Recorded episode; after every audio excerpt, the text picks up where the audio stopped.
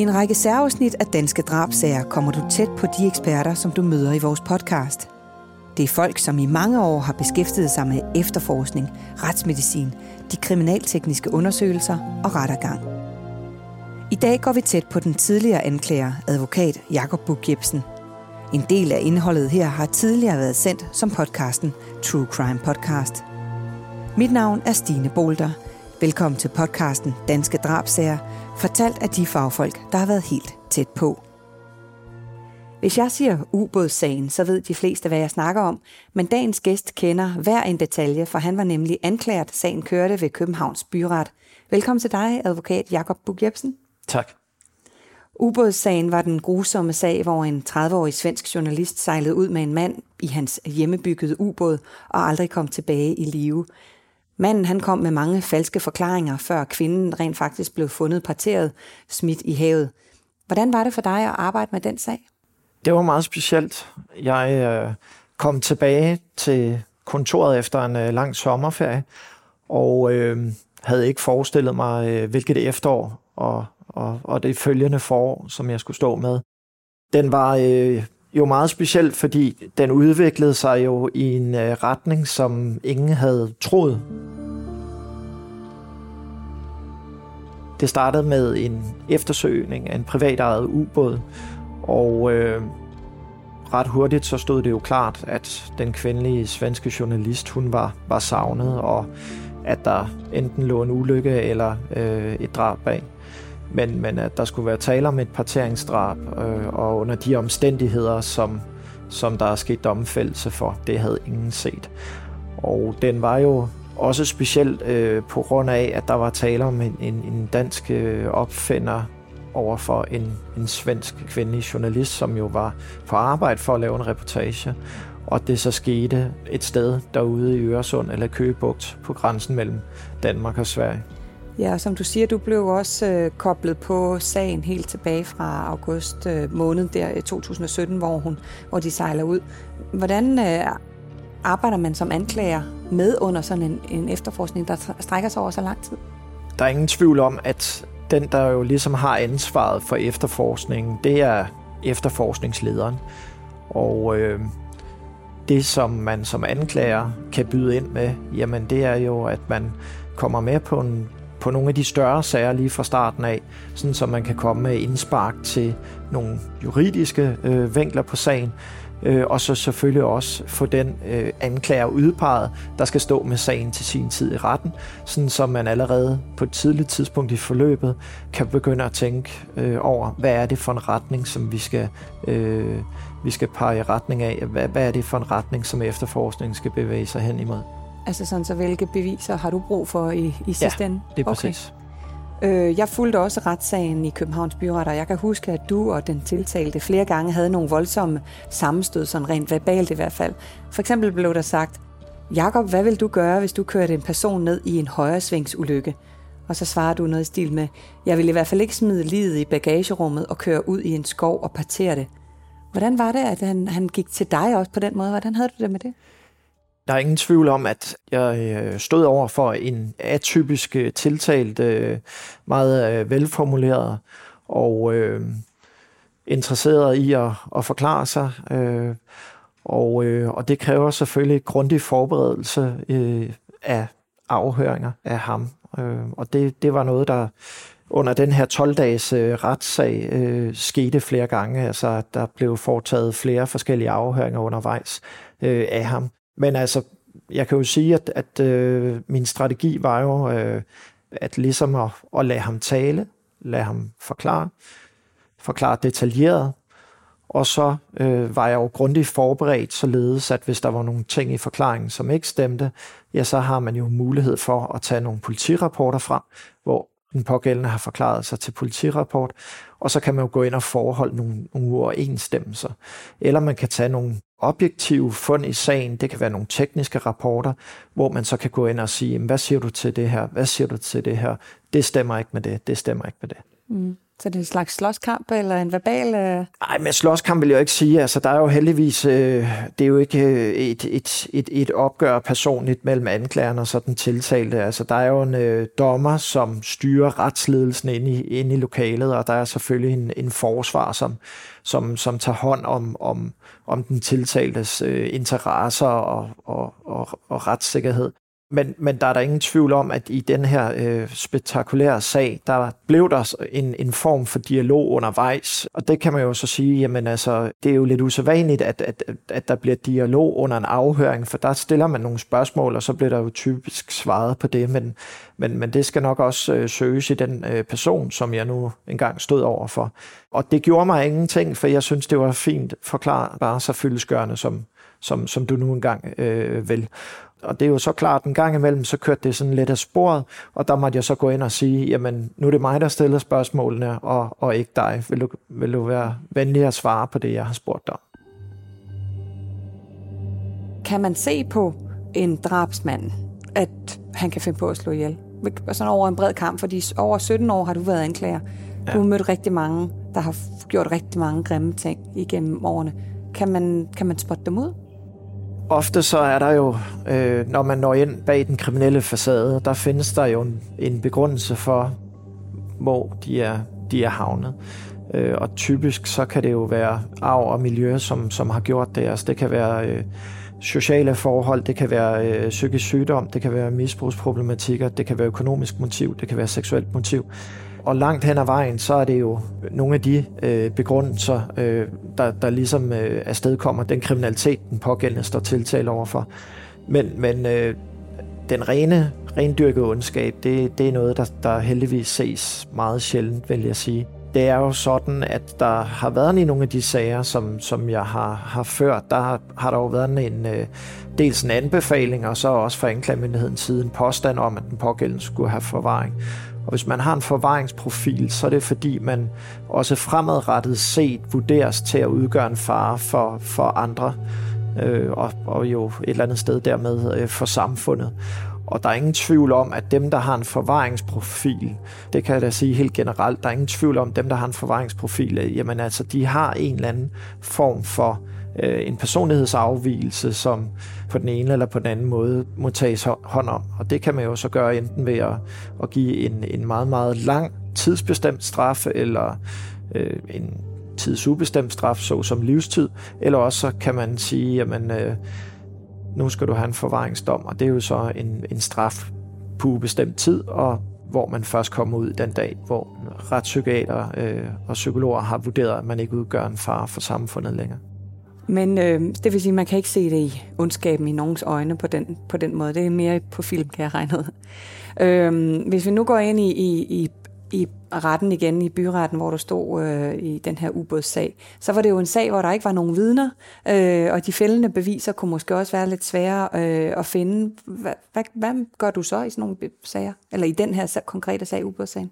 Jamen, ja, sagen har jo været en stor teamwork dels øh, i samarbejde med den øh, gruppe, som har siddet med efterforskning, altså de politifolk i Københavns politi, der har haft med efterforskning at gøre. Men efterforskningen har jo også nødvendiggjort samarbejde med både nogen fra systemet, kriminalteknikere fra Rigspolitiet, men også en lang række eksterne parter. Det kan både være svenske myndigheder, det kan være dykkertjeneste, det kan være strømforskere osv øh, og så videre. Så det har været en meget usædvanlig efterforskning, vil jeg sige.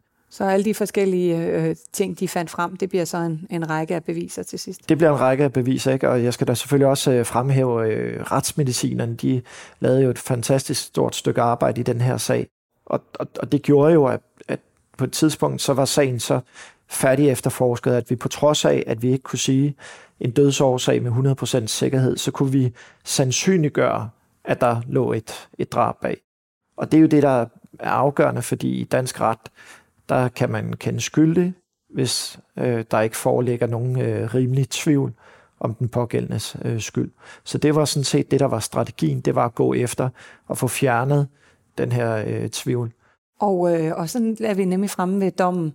Øh, og nu ved jeg godt, at du er embedsmand, eller var embedsmand, og stod der og ikke måtte må gøre noget. Men hvordan var det så at høre, at, øh, at retten lyttede på, at Du havde anbefalet livstid. Han blev idømt livstid. Hvis du skal sætte et par følelsesmæssige ord på, hvad, øh, hvordan reagerede du? Jamen altså, som, som professionel embedsmand, så når man står inde i retssalen, så øh, skal man have pokerfjæset på. Man skal ikke umiddelbart udtrykke nogen øh, følelser, eller på nogen måde øh, tilkendegive ens øh, tilfredshed med resultatet eller ej. Men, men, men der er der ingen tvivl om, at det var en forløsning øh, af, af en række forskellige grunde. Jo ikke en helt øh, enkel sag, men, men det vi ligesom fik frem under sagen, det gjorde jo så, at øh, man uden en hver rimelig tvivl kunne sige, at han havde gjort øh, sig skyldig i både manddrab og øh, seksuel mishandling og, og partering. Så, øh, så det var selvfølgelig noget, at øh, jeg noterede mig med tilfredshed. Ja, det var vist øh, anklagerens ord, der kommer ud over dine læber der i hvert fald. Men øh, hvis man nu læser din bog, Jeg som anklager, så øh, er der vist også noget med, at du lige niver dig selv i, øh, i låret og tænker, yes, Undertitlen til bogen er Drabet i ubåden og andre sager fra den mørke side. Og i foråret så skriver du også, at øh, det nogle gange kan være som at kigge ind i helvedes foregård og stå foran en tiltalt i retten. Prøv at fortælle os lidt mere om det. Jeg har jo mødt øh, rigtig mange øh, tiltalte, og jeg har mødt mange kriminelle igennem øh, øh, tidernes løb. Og øh, af og til så kommer man ind bag facaden på dem, og det synes jeg øh, er særlig interessant. Det er ikke altid, det lykkes. Øh, jeg har jo en rolle som, som, øh, som anklager, når jeg står i, i retssalen, eller har i hvert fald haft det øh, i min tid i anklagemyndigheden. Men jeg synes jo, det er interessant at nå ind ved mennesket bagved, og øh, af og til så er det jo nogle, nogle, nogle frygtelige ting, de pågældende står tiltalt for, og som regel også er blevet dømt. Og der er det jo interessant at, at, at prøve at nå frem til, hvad, hvad er ligesom baggrunden for, at man er havnet der. Og øh, der er ingen tvivl om, at, at det er min oplevelse, at, at meget af det, det skyldes simpelthen øh, ens arv og ens miljø. Og der er rigtig mange af dem, som, som man står med i retssalene, som, som har en lang række forskellige personlige begrundelser for, hvordan de er havnet som kriminelle. Og det kan være alt fra, fra dårlig øh, opvækst, det kan være øh, psykisk sygdom, det kan være seksuel afvielse, øh, andre personlige øh, eller personlighedsmæssige afvielser, det kan være forskellige misbrugsproblematikker, og det er jo alt sammen noget, som, som er interessant at få indblik i, øh, og som man også er til fra anklagemyndighedens side øh, er interesseret i at, at få frem i sagen. Men, men det er ikke altid, man når ind til, hvad der ligger bag facaden. Øh, det er jo typisk noget, som, som forsvaren når ind til i forbindelse med de øh, fortrolige samtaler, der er mellem forsvaren og så øh, den pågældende klient nu siger du, det er arv eller miljø, men, men er det, tror du på, at, at ondskab findes sådan i den reneste form i, i nogle af de her gerningsmænd? Hvis man ser på resultatlinjen, så er der jo ingen tvivl om, at der er en del af de sager, som, som omtales i bogen, hvor øh, man, man, man tænker, at der ligger et, et, et meget øh, øh, mørkt øh, menneske bag, men, men i de fleste af de sager, der er der ingen tvivl om, at, at der, der er der en lang række øh, hvad skal vi sige, mere eller mindre gode begrundelser for, hvorfor de endte, hvor de endte. Ikke dermed, at, at det er retfærdiggør det, de har gjort, øh, men, men mere, der findes en forklaring på det.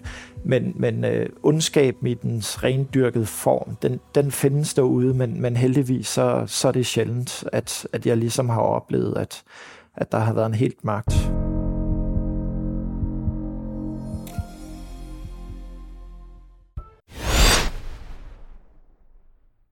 Lidl. Fantastisk påskehygge til Lidl-priser. Få for eksempel hakket dansk grisekød en 20 spar 49 procent. Mærelkaffe 22 kroner. Download Lidl Plus og få flødehavar til 25 kroner spar 24 procent. Gælder til og med lørdag. Du vil bygge i Amerika? Ja, selvfølgelig vil jeg det. Reglerne gælder for alle. Også for en dansk pige, som er blevet glad for en tysk officer. Udbrændt til kunstner. Det er jo sådan, at de har tørt, han ser på mig. Jeg har altid set frem til min sommer. Gense alle dem, jeg kender. Badehotellet den sidste sæson. Stream nu på TV2 Play.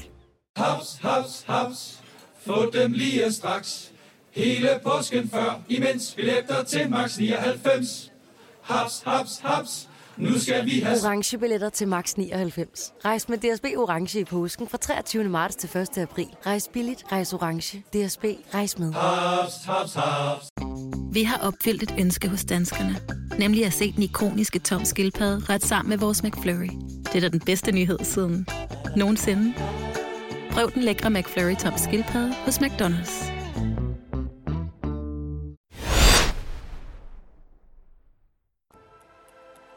Nu snakker vi jo lidt det her om det mørke og så videre, og ubådssagen var jo en, en sag, hvor mange mennesker i hvert fald øh, mener, at det var ondskabsfuldt. Øh, du siger også selv, at den har givet dig søvnløse nætter. Hvorfor, øh, hvorfor gav den dig det? Den sag, den var øh, meget unik øh, på mange områder. Der var jo tale om en opstart af sagen, hvor man jo slet ikke øh, kunne forestille sig, hvordan det skulle, øh, skulle ende. Det startede som noget måske ikke hverdagsagtigt. Øh, det er jo ikke så, så tit, at der ligefrem mangler en øh, privatejet øh, ubåd i, i, i Danmark. Men at der skulle ligge en, en forbrydelse bag, det var der nok ikke nogen, der havde set komme. Og så udviklede det sig jo fra, at man øh, måske indledningsvis troede, at det var en øh, ulykke, til at det mere og mere stod klart, at der lå en forbrydelse bag. Og, og så hen øh, efter nogle øh, få uger, altså efter at der ligesom øh, var sket, sket fængsling i sagen, jamen der, der begynder så at, at dukke nogle øh, fund op i den sag, som, som jo sat sagen i et helt andet øh, lys. Altså her tænker jeg på den øh, torso af den kvindelige øh, journalist, som, som, øh, som var blevet dræbt i den her øh, frygtelige handling. Og øh, det dykker vi ikke så meget ned i lige nu, og øh, når du er ude og holde det her foredrag, øh, jeg som anklager, så er det heller ikke kun ubådssagen, øh, du, du fortæller om. Du har også haft øh, en række andre sager. Du var lidt inde på det før. Kan du prøve at fortælle os om, om en af dine andre sager? Jeg har jo haft mange forskellige sagskategorier, kan man sige. Øh, jeg har haft en række sager, øh, både med drabsforsøg og drab, men også sager, hvor øh, det er et klart seksuelt motiv, som ligger bag. Og der er ingen tvivl om, at at arbejde med de sager, det er jo noget, som, som på den ene eller på den anden måde også kan påvirke en som professionel part og arbejde med det.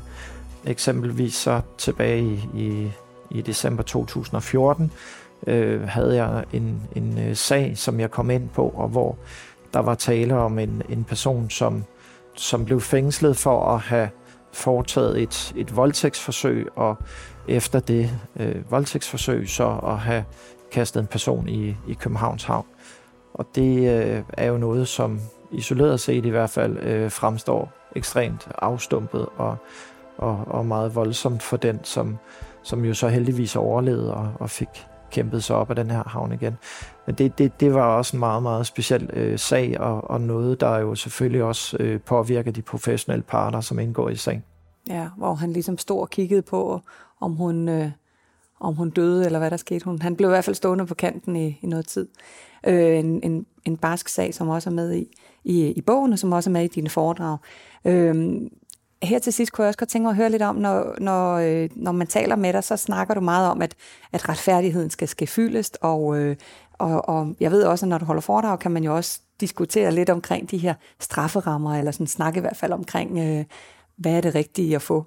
Øhm, har, vi, har vi det rigtige system i Danmark, hvis, man, hvis jeg kan stille dig sådan et åbent spørgsmål?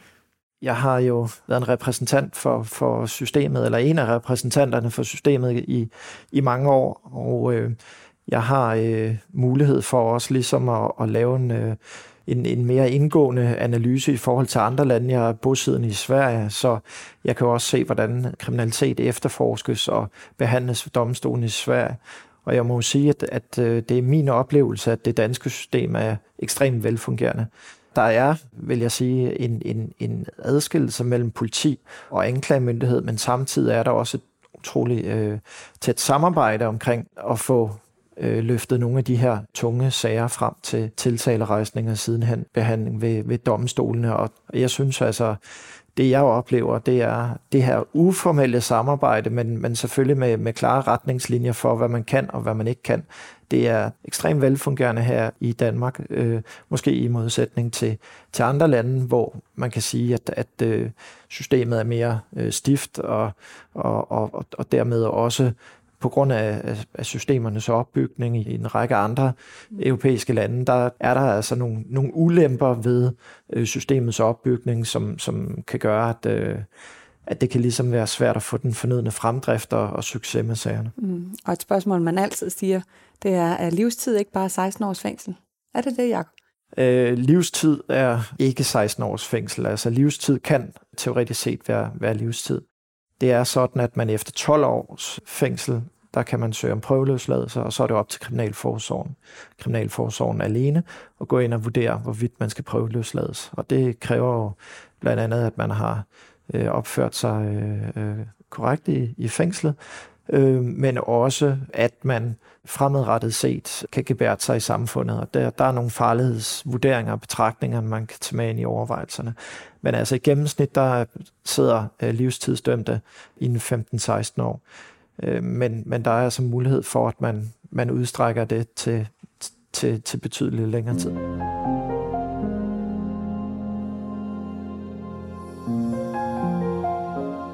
Tak til tidligere anklager, nu forsvarsadvokat Jakob Bug Jebsen for din historie. Musik er potmusik.dk, klippet af Rasmus Svinger og produceret af Bauer Media og True Crime Agency. Mit navn er Stine Bolter. Tak fordi du lyttede med.